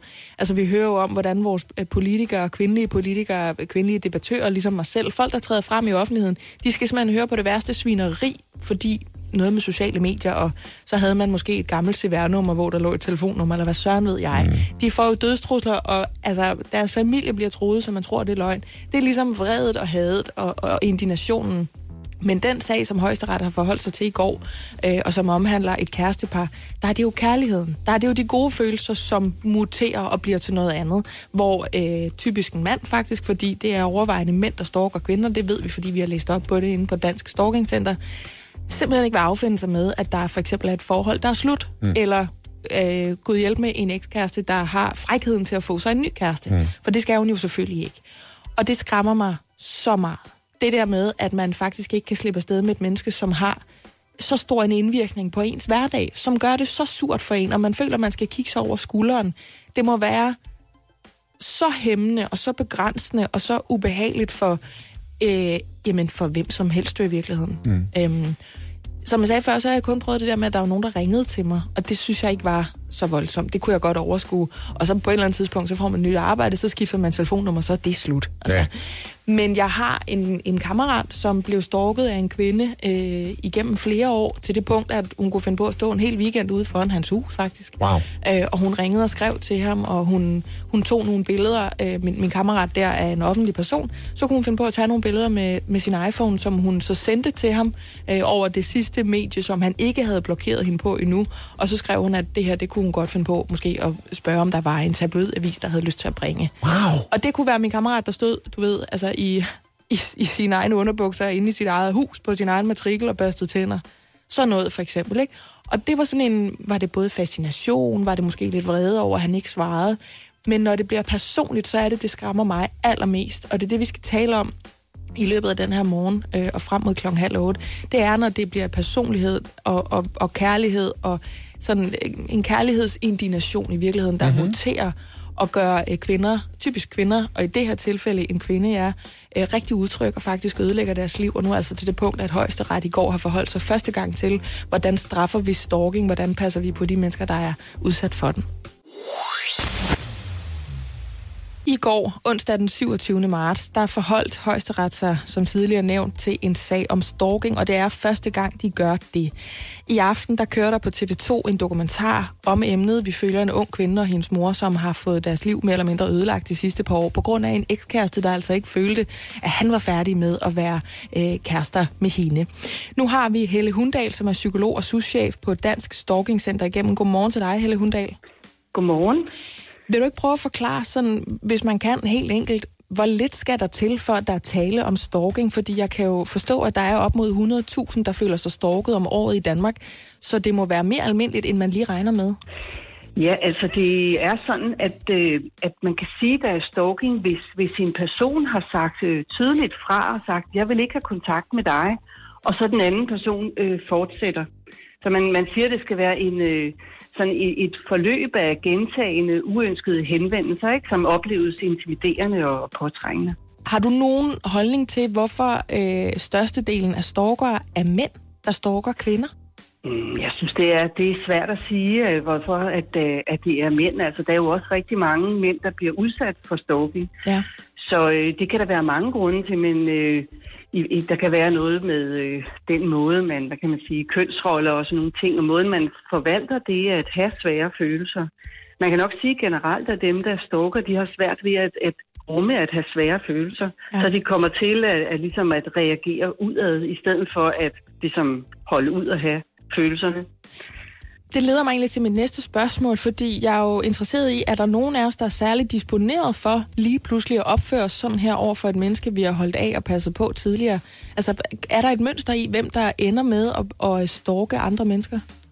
Altså man kan sige, at der, en, en, dem, der stalker, er ikke bare én type. Der kan være mange forskellige baggrunde for at stalke. Men øh, det man i hvert fald kan sige sådan generelt, det er, at det nok er en personlig sårbarhed kombineret med en bestemt situation. For eksempel et brud i et parforhold, øh, eller en personlig krise af anden karakter. Øh, nogen har jo også en decideret psykiatrisk lidelse, som ligger bag det. Det, der i hvert fald er vigtigt også øh, at sige her, det er, at, at hvis man oplever, at man har sådan en adfærd, at man sidder fast i sådan en rille med at, at blive ved med at kontakte en anden og, og få en afvisning og ikke lytte til det, at så skal man søge hjælp.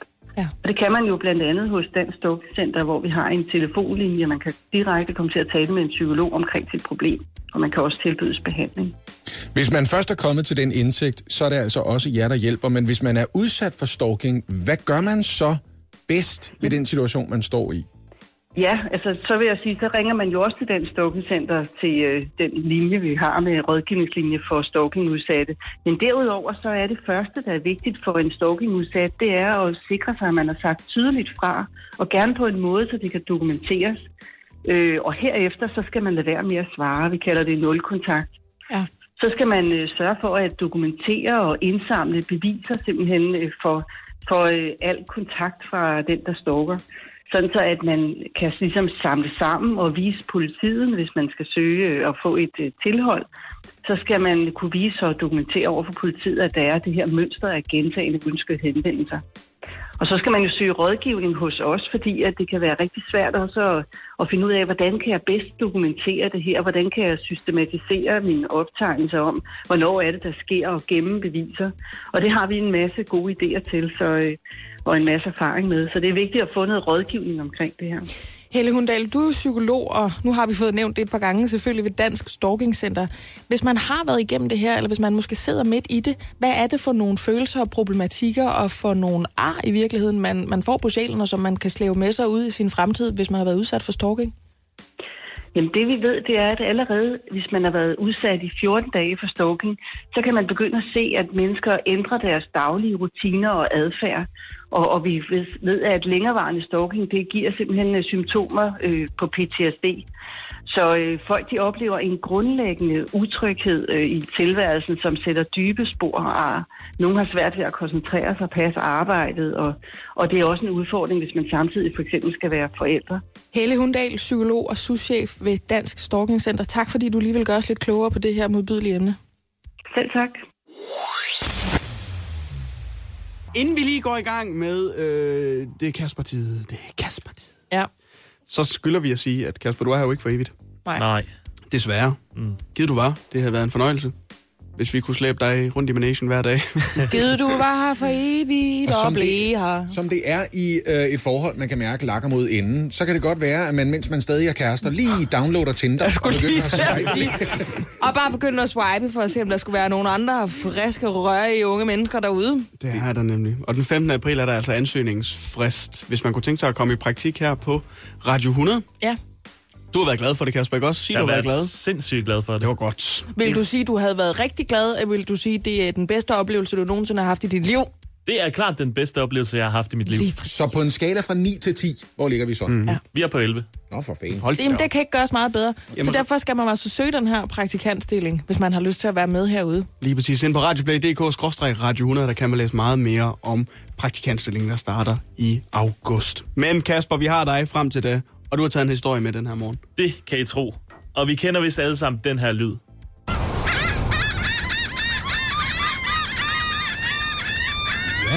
Det føles som om, de griner af mig. Det er som at være øh, Jørgen og lige tage en tur til Hirtshals ned på molen og stå og... Min mor, hun siger det, er, fordi de flyver rundt over øh, fiskene, og så siger de, min, min, min, min, min. Jeg ved ikke, om det er rigtigt, men det, det tænker jeg på, hver gang jeg hører det.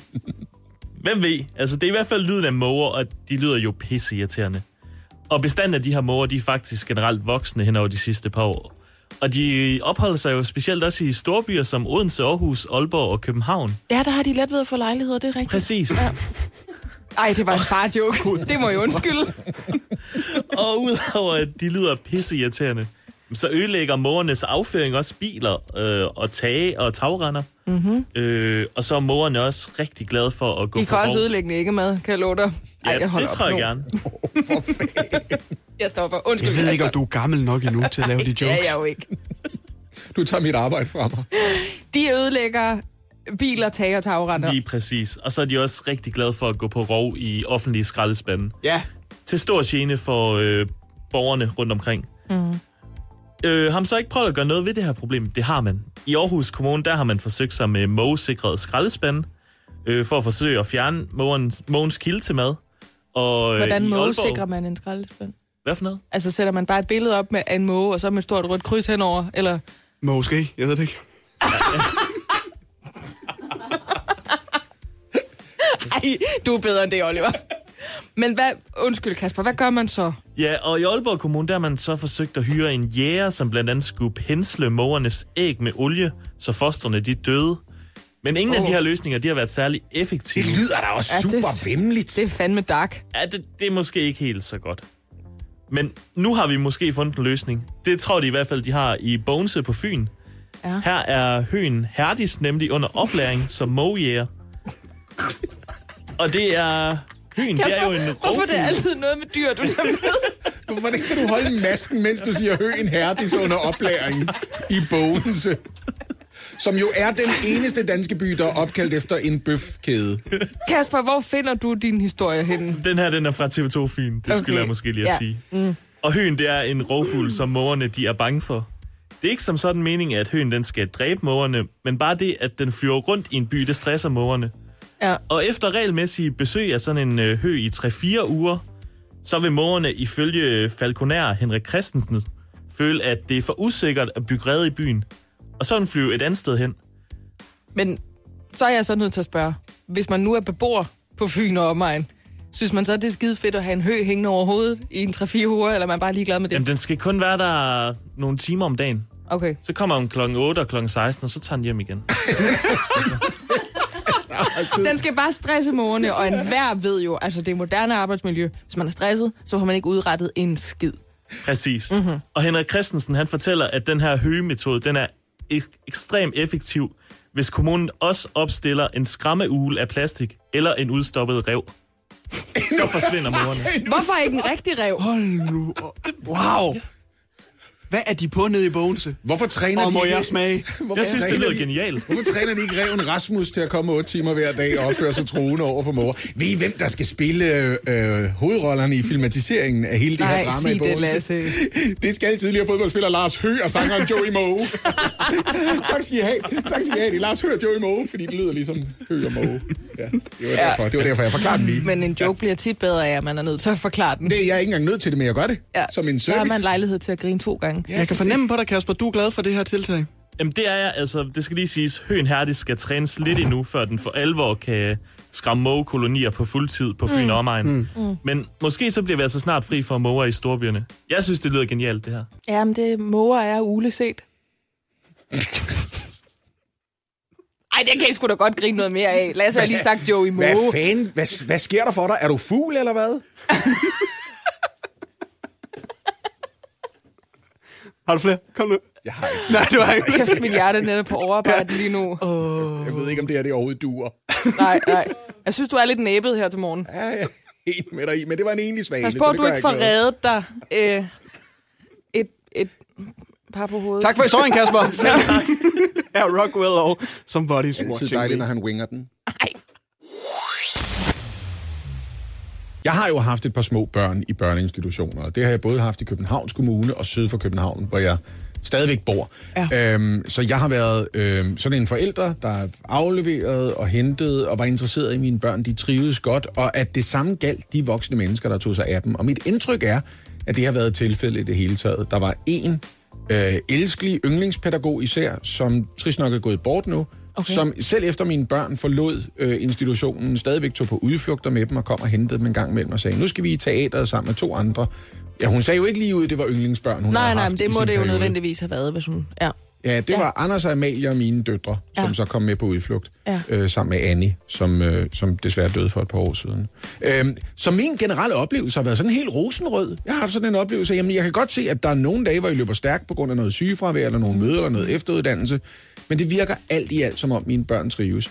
Og det er jo sådan, man oplever børnepasning. Ja. Man oplever det i den helt konkrete hverdag, mandag til fredag, i sit øh, helt eget hverdagsliv, og ikke som tal og statistikker og på landsplaner, hvor meget der er skåret og hvad der er bevilget osv. Ja. Det er en svær ting at overskue. Altså, jeg har kun oplevet det der med at være i en institution for små børn på den side, hvor jeg var pædagogmedhjælper. Ja. Fordi jeg tror, at man bliver et bedre menneske med en større forståelse for dem der, jeg kan lide at kalde dem dem, der holder røven oppe på samfundet. Mhm. Mm-hmm. Og det er jo fordi, de så holder den ren eller holder den varm, eller hvad de nu gør. Ja, Ja, I alle ender af, altså, af det her øh, sociale sundhedssystem, hvor vi tager os af hinanden, når vi er små og når vi er gamle. Ikke? Ja.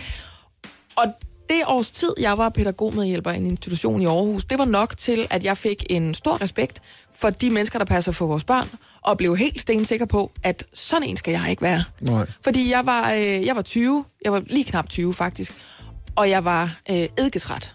Og det var alt fra sure forældre. Det, det er det der, man finder ud af, når man er i en børnehave. Det er ikke ungerne, der er problemet. Det er de der tossede forældre, der tror, at verden den snurrer rundt om lige præcis deres lille barn. Ikke? Altså, de tossede af forældrene, og ikke alle forældrene, øh, som er tossede. nej, nej, nej, fordi vi havde jo også nogle, altså sådan, øh, næ- næsten venskaber, vil jeg kalde det. Ja, ja. Øhm, så jeg har prøvet det der rit, det er at få en børnehave til at hænge sammen. Mm. Mhm. Øh, jeg ved godt, hvordan man kan blive øh, stresset, hvordan man kan blive slidt ned, og det blev også tilfældet for nogle af mine kolleger, som faktisk blev sygemeldt med stress dengang, fordi der simpelthen ikke var børn, øh, eller der var ikke børn nok. Der var vældig mange børn. Der var ikke voksne nok. Øhm, men jeg er jo ikke i den virkelighed mere, og det er over 10 år siden, jeg, jeg var der. Så derfor er jeg meget lydhør over for det, de kalder den oplevede virkelighed, som er det, der ligesom skal modsvare, jamen, vi lever op til de her tal, eller vi har altså det her antal voksne til det her antal børn. Mm. Hvis man føler, det ikke er nok, og man er bekymret, og det er man, når det gælder det kæreste, man har, det er jo ens børn, mm. så kan jeg godt forstå, at man roer op. Øh, og derfor så synes jeg, at vi lige skal tale med en af de bekymrede forældre til, øh, til et barn i institution hjem lidt. Simpelthen fat i en af initiativtagerne, ikke? Ja, tak. Omsorg til vores børn nu. Sådan lyder sloganet for en forældrebevægelse, der på bare to uger har spredt sig til en lang række kommuner ved at invitere til en fælles demonstration for børnenes og pædagogernes fremtid på Facebook. De her vrede forældre, eller måske i virkeligheden bekymrede forældre, de kræver bedre nummeringer i daginstitutionerne og har altså via Facebook indkaldt rigtig mange mennesker til en fælles demonstration rundt omkring i landet den 6. april. En af dem, der går særligt op i det, og blandt andet har talt med DR, været med i øh, tv-programmer allerede, det er Marie Bløn. Hun er mor til datteren Isabella, og så går hun altså forrest i den her nye forældrebevægelse, som vil have flere pædagoger ansat i daginstitutionerne. Godmorgen til dig, Marie Bløn. Godmorgen. Prøv lige at forklare, hvad er det, der er galt? Hvorfor er I så sure og bekymrede? Øhm, der er rigtig mange ting galt, øh, og der er også rigtig mange grunde til, at vi er gale. Øhm, det, der er galt, det er, at der er ikke nok pædagogiske hænder til at tage omsorg øh, for børnene. Der er alt for meget tid, der går væk fra deres øh, tid sammen med børnene. Og det gør, at vi har en masse stressede pædagoger derude, øh, og det påvirker vores børn i den grad. Og alle fagfolk, de peger jo på, at det er simpelthen omsorgsvægt, det her. Så vi har jo selvfølgelig vores børns interesse for øje, og vi er meget, meget bekymrede, og vi er meget gale over, at, øh, hvad hedder det, at politikerne faktisk ikke rigtig gør noget ved det. Senest har de sågar øh, hvad hedder det, nedstemt et forslag øh, i Folketinget om at diskutere minimumsnormeringer. Og det gør, at der er rigtig mange forældre nu, der virkelig er vrede over, at øh, vi bliver reduceret, øh, vores stemme bliver simpelthen reduceret til tilfredshedsundersøgelser, som bliver lavet i institutionerne til et helt andet formål, end at sige, synes vi egentlig, det er forsvarligt, det her, der foregår. Så vi synes, der er tale om en kollektiv omsorgsvigt over hele landet. Og det er akut, og det skal der rettes op på lige nu. Altså blandt dem, som er fuldstændig enige, det er Børne- og Ungdomspædagogernes Landsforbund, Bubel, Øhm, men jeg kigger en lille smule på deres tal, og jeg tænker, det bliver fame svært at løse for de børn, der lige for øjeblikket går i institutionerne, fordi Bubble anslår, der skal bruges næsten 5.000 flere pædagoger for at nå op på nogle fornuftige normeringstal, og de har kun selv, og det er altså både børne- og ungdomspædagoger, de har kun selv ca. 1.200 arbejdsløse i Bubble. Så der kommer jo til at gå et stykke tid, før man får uddannet de her professionelle pædagoger, som skal tage sig af børnene på et eller andet tidspunkt. Der er simpelthen ikke nok ledige pædagoger til, at man kan få en normering, som er god nok. Hvordan fanden løser man så problemet på kort sigt? Jeg synes også, en del af, af problemet, Jesper, det er jo også, at vi har kørt så mange pædagoger ned. Virkelig gode, dygtige, faglige pædagoger, som faktisk er gået ned med stress og er gået ud. Det er jo også et kæmpe problem, for de kunne faktisk være en ressource nu, ikke? Øh, hvor vi står og mangler arbejdskraft. Så det, det synes jeg også skal tillægges til, til det oplæg, du laver. Øh, hvad hedder det? Der er, der er masser af knapper at skrue på. Øh, blandt andet så går pædagogernes arbejde til administrativt arbejde også til at registrere. Øh, hvad hedder det? Og det er tid væk fra børnene. Og selvfølgelig tager det tid at ansætte osv. Men hvis det her er et akut problem, så ved politikerne også godt, hvilke knapper de skal trykke på, for ligesom at rette op på det. Og det samme med kommunerne. Marie Bløn, tror du, det her det kan afhjælpes ved, at man simpelthen reformerer øh, folks opfattelse af, hvad det vil sige at være pædagog i en børnehave? Fordi sådan en som mig for eksempel, jeg har engang været pædagogmedhjælper, og som jeg sagde for lidt siden, så blev jeg meget bevidst om i den periode, at det kunne jeg simpelthen ikke bruge resten af mit liv på, fordi det var simpelthen for hårdt for mig. Jeg synes, det var for, for utaknemmeligt, og nogen snakker om dårlig løn og dårlige arbejdstider, og det er hårdt fysisk og så videre, ikke? Ja, Når nu Lasse han fortæller, der, der er simpelthen ikke nok ledige pædagoger, der straks skal springe til, hvis I får øh, det her igennem, hvis I får magt, som I har agt, og det pludselig bliver en mulighed at, at smide en masse flere pædagoger ind i børnenes daginstitutioner. Er det der, man skal starte? Altså er det så langt ned, man skal gå i den her problemstilling, for simpelthen at gøre det mere attraktivt at blive pædagog? Mener du det? Altså generelt så havde jeg virkelig det ord reform, undskyld mig, men jeg synes, det har et virkelig dårligt rygte efterhånden. Øhm, altså, hvad hedder det? Jeg synes faktisk, at eksperterne, det er jo faktisk lederne og pædagogerne ude øh, i institutionerne. De står jo med det her hver dag. Det er jo faktisk dem, der er eksperterne. Jeg forstår ikke, at man bruger så mange penge på konsulenter, øh, fra konsulentfirmaer til at komme ind og løse problemer, når vi faktisk har eksperterne derude. Hvorfor går man ikke i dialog med dem og snakker om, hvordan gør vi det her bedst muligt? Hvad er det, der forhindrer jer i at ansætte flere pædagoger, men også faktisk at have tid til børnene? Altså, det, det er faktisk for mig eksperterne derude. Og øh, jeg synes nogle gange, der kommer... Der, det bliver meget hierarkisk. Jeg synes, Christiansborg kommer meget, meget langt væk fra de øh, gående og stående pædagoger, som er eksperter derude. Giver det mening? Det giver mening, og Marie Bløn, tak fordi du havde tid til øh, at give os dit besøg med. Jeg ved, du har øh, den sædvanlige travle øh, familiemorgen derhjemme, men tak fordi du øh, tog dig tid til at tale med os alligevel.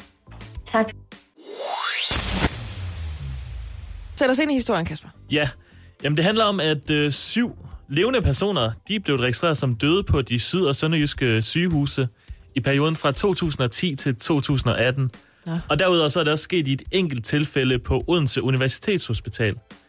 En af dem, det er 70-årige Kirsten Christensen. Hun var indlagt med en lungebetændelse på Sydvestjysk sygehus sidste år. Og kort efter hjemkomsten, der kom et brev ind ad døren fra forsikringsselskabet Kodan. Der står, vi har fået at vide, at Kirsten Christensen er afgået ved døden. Og det er ubehageligt. Gud, hvor ubehageligt. Ja. Meget ubehageligt. Hun Ja. ja. var simpelthen erklæret død i de offentlige systemer. Og sådan en fejl, den er ikke bare til at få rettet op på igen, Gud, åbenbart. nej, det er jo hele vejen rundt. Præcis, det er Hun hendes... så et nyt CPR-nummer og alting, eller hvad? Der står i hvert fald, at hendes nem idé blev lukket ned, og pension, bank, ATP, skat, pas, kørekort, det hele blev lukket ned. Wow! Men så kom der nogen ind og sagde, bare rolig Kirsten, det var os, der var nogle dummernækker, nu ordner vi alt for dig. Det gjorde der netop ikke. Der var ikke meget hjæl- hjælp at hente fra det offentlige. Kirsten, hun måtte øh, få sine børn til at hjælpe hende med at få oprettet hende i alle systemer igen, og det tog rigtig, rigtig meget tid. Og What the actual fuck? Altså, det er jo ikke Kirsten, der har erklæret sig selv død og lavet en dummert. præcis, altså hun siger, at hvis ikke hun havde haft øh, sine børn til det, så havde hun nok givet op i det Nej. her. Men så fik hun jo en klækkelig erstatning på halvanden million kroner for alt besværet og, og, og, og for tårt og svige. Og for, Det og for gjorde hun fuld- heller ikke rigtig, okay, nej. Ja. Nå. Øh, og i oktober, der kunne Region Syddanmark dog godt se, at det var lidt noget rod, det her med at få erklæret raske mennesker for døde i systemerne. Det stopper vi med nu. Ja, de, de Jamen, lod i det, hvert det skal fald... vi også holde op med. Det, er også, det skal vi være de første til at beklage. Ja, Det, er, en- det, er, det, er, en- det er en skidt vane, vi er kommet i gang med, det her. Præcis. Så de lod i hvert fald, at de nok skulle kontakte de berørte personer. Men Jyske Vestkysten, I det hensides. Prøv at høre, jeg skal nok ringe til dem og sige, at ja. det Ja. er en brøler. ja. Nej, hvor er vi glade for, at du tog telefonen. det, det, det. Ej, jeg tror, det var først, de ringede fra hospitalet og sagde, at det var en fejl, der går det op for mig. Jeg rent faktisk, øh, jeg, jeg er jo i live jo. Ja. Men i dag så skriver Jyske Vestkysten så, at det er ikke sket, de, de har ringet til de her personer. Det har de ikke fået gjort. Og det skyldes simpelthen, at det ikke er muligt. Det er i hvert fald det koncerndirektør i Region Syddanmark, Kurt Espersen, han udtalte til Jyske Vestkysten. Deres telefonnummer også Han skriver, Nej. vi kender ikke deres identitet. Vi har ikke administrative muligheder for at finde personerne, og heller ikke juridiske. I stedet så siger han, at patienterne de selv lige skal kontakte regionens patientvejleder. For at høre, om de er levende. For at få en undskyldning. Præcis. Og som han siger, som offentligt sundhedsvæsen må vi i princippet ikke kigge i journaler eller slå nogen op. Vi kan Det er jo selvfølgelig heller ikke slå nogen ihjel. i princippet. Nej. Vi kan selvfølgelig bruge Google eller hvad der har stået i aviserne, men for mig vil det være nemmest, at de ringte til os. Okay, så foreslår jeg noget. Hvis man er så bange for det der med at kigge i folks mapper, det kan være, det er noget med GDPR, patientfortrolighed, anonymitet og sådan Præcis, noget. ja. Så vil man i stedet for hellere støvsuge lokalaviserne for dødsannoncerne, og så ringe alle dem op og sige, kan det være rigtigt, at øh, Arne han er død? Og så er der en helt knust familie, der skal bekræfte, ja, det er han. Og så en gang imellem, så rammer man ind i de syv mennesker, man ved en fejl har erklæret døde, og så siger man, okay, så hvorfor har I så bragt den der notits? Altså, hvordan fanden har man tænkt sig at finde ud af det? Kunne man ikke lave en undtagelse for registerlovgivningen og sige, du må godt lige kigge i journalen, hvis du har en mistanke om, der er nogen, du lige har sat et, et lille flueben ud for. Død! Jo, altså, det er i hvert fald også det, Kirsten Christensen, hun mener. Hun, hun mener i hvert fald, at hun er blevet svigtet i af systemet. Det er hun Og det da kan jeg også. godt forstå. Hun er blevet slået ihjel af systemet. Altså, hun siger, Det, det er typisk døde mennesker at brokke sig på den måde der. hun siger, at der er andre, der er skyld i mit problem, men det er mig, der skal finde ud af, hvordan jeg skal rette op på det. Ja. Ja. Altså, det er vel en fin pointe. Jamen normalt så plejer, der, vi har sådan en bon mot i vores familie, hvis vi mister nogen, så er der altid på et eller andet tidspunkt, måske under gravøllet, eller hvor det nu er, nogen, der siger, ja, døden er jo mest for de efterladte. Her der er den så også for den døde, Ja, fordi man faktisk. skal selv rydde op i det der bag, som øh, konen har lavet for en. Prøv at høre, det der det er jo en glidebane i retning af, at du kommer på skadestuen, og så står der en overlæge og siger, du er sikker på, at du ikke har et stetoskop derhjemme, du selv kan klare? Det jeg er bare fordi, vi har ikke er mulighed for at behandle det her på stedet. Ja. Det er, har. Så må du selv finde på et nyt CPR-nummer. Vi kan google dig. Ja, Er det noget, der hjælper? det er åndssvagt. Men Nå. heldigvis så har de i hvert fald nu ændret praksis, så det fremover er to ansatte, der skal kontrollere, at det er den rette døde patient, som også meldes død i systemet. Hvordan kan man være så meget i tvivl om? Altså, hvis man ser folk gå ud og vinke og sige, farvel, farvel, tak for, tak for nu. Så hvordan kan der være, hvorfor skal der være to til at konstatere? Ja, hende, der gik ud der og satte sig ud i sin uh, Toyota Yaris, hun er ikke død. Hun er ikke død, nej. Nej, Men det er åbenbart nødvendigt, at der skal flere ind over, konkluderer. okay. En dejlig historie, Kasper. Det vidste jeg ikke noget om. Du har toppet dig selv. Mm. Det har du. Indtil videre, så er der altså noget med dyr og DF, når du tager en historie med. Du er jo også for Jylland, kan man sige. Jamen, nu, det det. kom, nu blev det så noget med død også. Dyr DF og død. Ja. Ja. Har du gang i et eller andet nu? Det er noget med D'er i hvert fald. Ja. Nej, egentlig ikke, men øh, vi, Hvis vi du, må tager se. en, hvis du tager en historie med om dick pics på næste fredag, så er der noget med det der. Så kommer jeg til at sige, det er dejligt.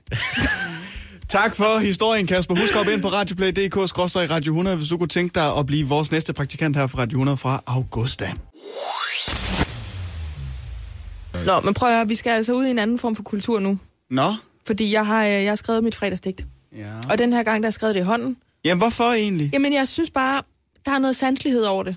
Det har du fuldstændig Jeg er også sådan en, der godt kan lide, når folk de læser en bog. En rigtig bog, man kan høre, og man kan dufte, i stedet for at sidde og bladre på en iPad. Mm-hmm. Så derfor tog jeg lige et stykke printerpapir og øh, skrev det med en sponsorgulpen ned. Så er det rigtig sanseligt. Skal vi finde et lille kulturelt underlæg til Ja, tak. Du var allerede klar. Men så godt forberedt, Oliver. Ja, jamen så begynder jeg. Og nu er jeg lidt i tvivl om, at jeg skal kalde ham for Mueller eller for Moller, for vi har sagt begge dele her mm-hmm. på Mueller, synes jeg. Muellers, ja. Det har jeg også lyst til. Muellers rapport kom tilbage, og alle republikanerne spiste et stort stykke kage. Oh. Det var det der med, at Trump han måske havde dækket over det der med, skal vi lige finde ud af noget, men han havde ikke rigtigt gjort noget. Nej, det bliver de rigtig glade for, så de holder Ja. fest. Ja. Ja. Flere danskere skifter køn. Nu også rødvin og søde sager er en klimasynd. Det var det der med en enorm måling på, hvor mange danskere, der går ind i det, der hedder en kønsskifteproces. Nå, og vi fandt ud af, rigtigt. at det er ikke kun rødt kød, der fucker med vores planet. Det er også alt andet. Ja, du er hende Ellen fra Ja, det er rigtigt. Ja, Ja, ja. Kan godt huske det. Lad din ekskæreste være, hvis I har slået op. Jo. Fra 2021 må du også drikke din fadøl af noget andet end en plastikkop. Ja, ja. Det er det der med stalking. Højesteret har jo afsagt sin første dom i oh. stalking. Så ja, ja, det er jo skide ubehageligt, ikke? Og så det her med, at øh, EU-parlamentet har besluttet, at indgangsplastik, det skal være forbudt fra 2021. Ja, men to gange plastik, det må man godt bruge. Amnesty er vist lidt i tvivl om, hvem de beskytter. Må en bekymrede forældres demonstration noget som helst nytter. Oh, ja. Jo, flot. Ja. Og det er jo lidt det her med, at nogle gange så kan det måske være svært at finde ud af, hvad er menneskerettigheder, hvad er satire. Ja. Hvis vi i forvejen beskytter ytringsfriheden, så er det måske dumt at anklage en radiostation for at... Ja, og den frie presse og sådan noget. Ja, ikke? sådan nogle Hvornår små kommer ting man der, til at bruge sin NGO til at beskytte en veninde? Ja, sådan noget. Mm. Den slags bagateller, ikke? Og så er det selvfølgelig det her med øhm, omsorg til vores børn nu, ikke? Mm-hmm. Sidste vers. Se børn, foråret er endeligt på vej. Du ønskes en fræk og oplagt weekend af Anne, Kasper, Oliver, Lasse og mig. Åh, oh, det var så flot. Det synes jeg var meget fint egentlig lige at have sådan en lille farvelet på den, ikke? Super elegant. Ja, fordi nogle gange synes jeg, jeg kommer meget hurtigt ud af digtet. Ja. Og her, der synes jeg, vi lander blødt, ikke? Hvem er Kasper? Er det Praktik Kasper? Praktik Kasper, ja. Nå, okay. Ja, det er bare, jeg er blevet så vant Prøv lige at dreje dit hoved. Han sidder lige der. Hej Kasper. Gud! Kasper er her stadigvæk, og det anerkender vi fuldt ud. Mm. Ja, vi gør så. Nå, det var dejligt dæk, mig, Britt. Jamen, det var bare sådan en form for øh, fong af, hvad vi har talt om i den her uge, ikke? Jo, det, er- det er lidt ligesom det, vi gør hver fredag. Morgen på Radio 100 med mig, Britt Maria Nielsen, Lasse Remmer og Oliver Routledge.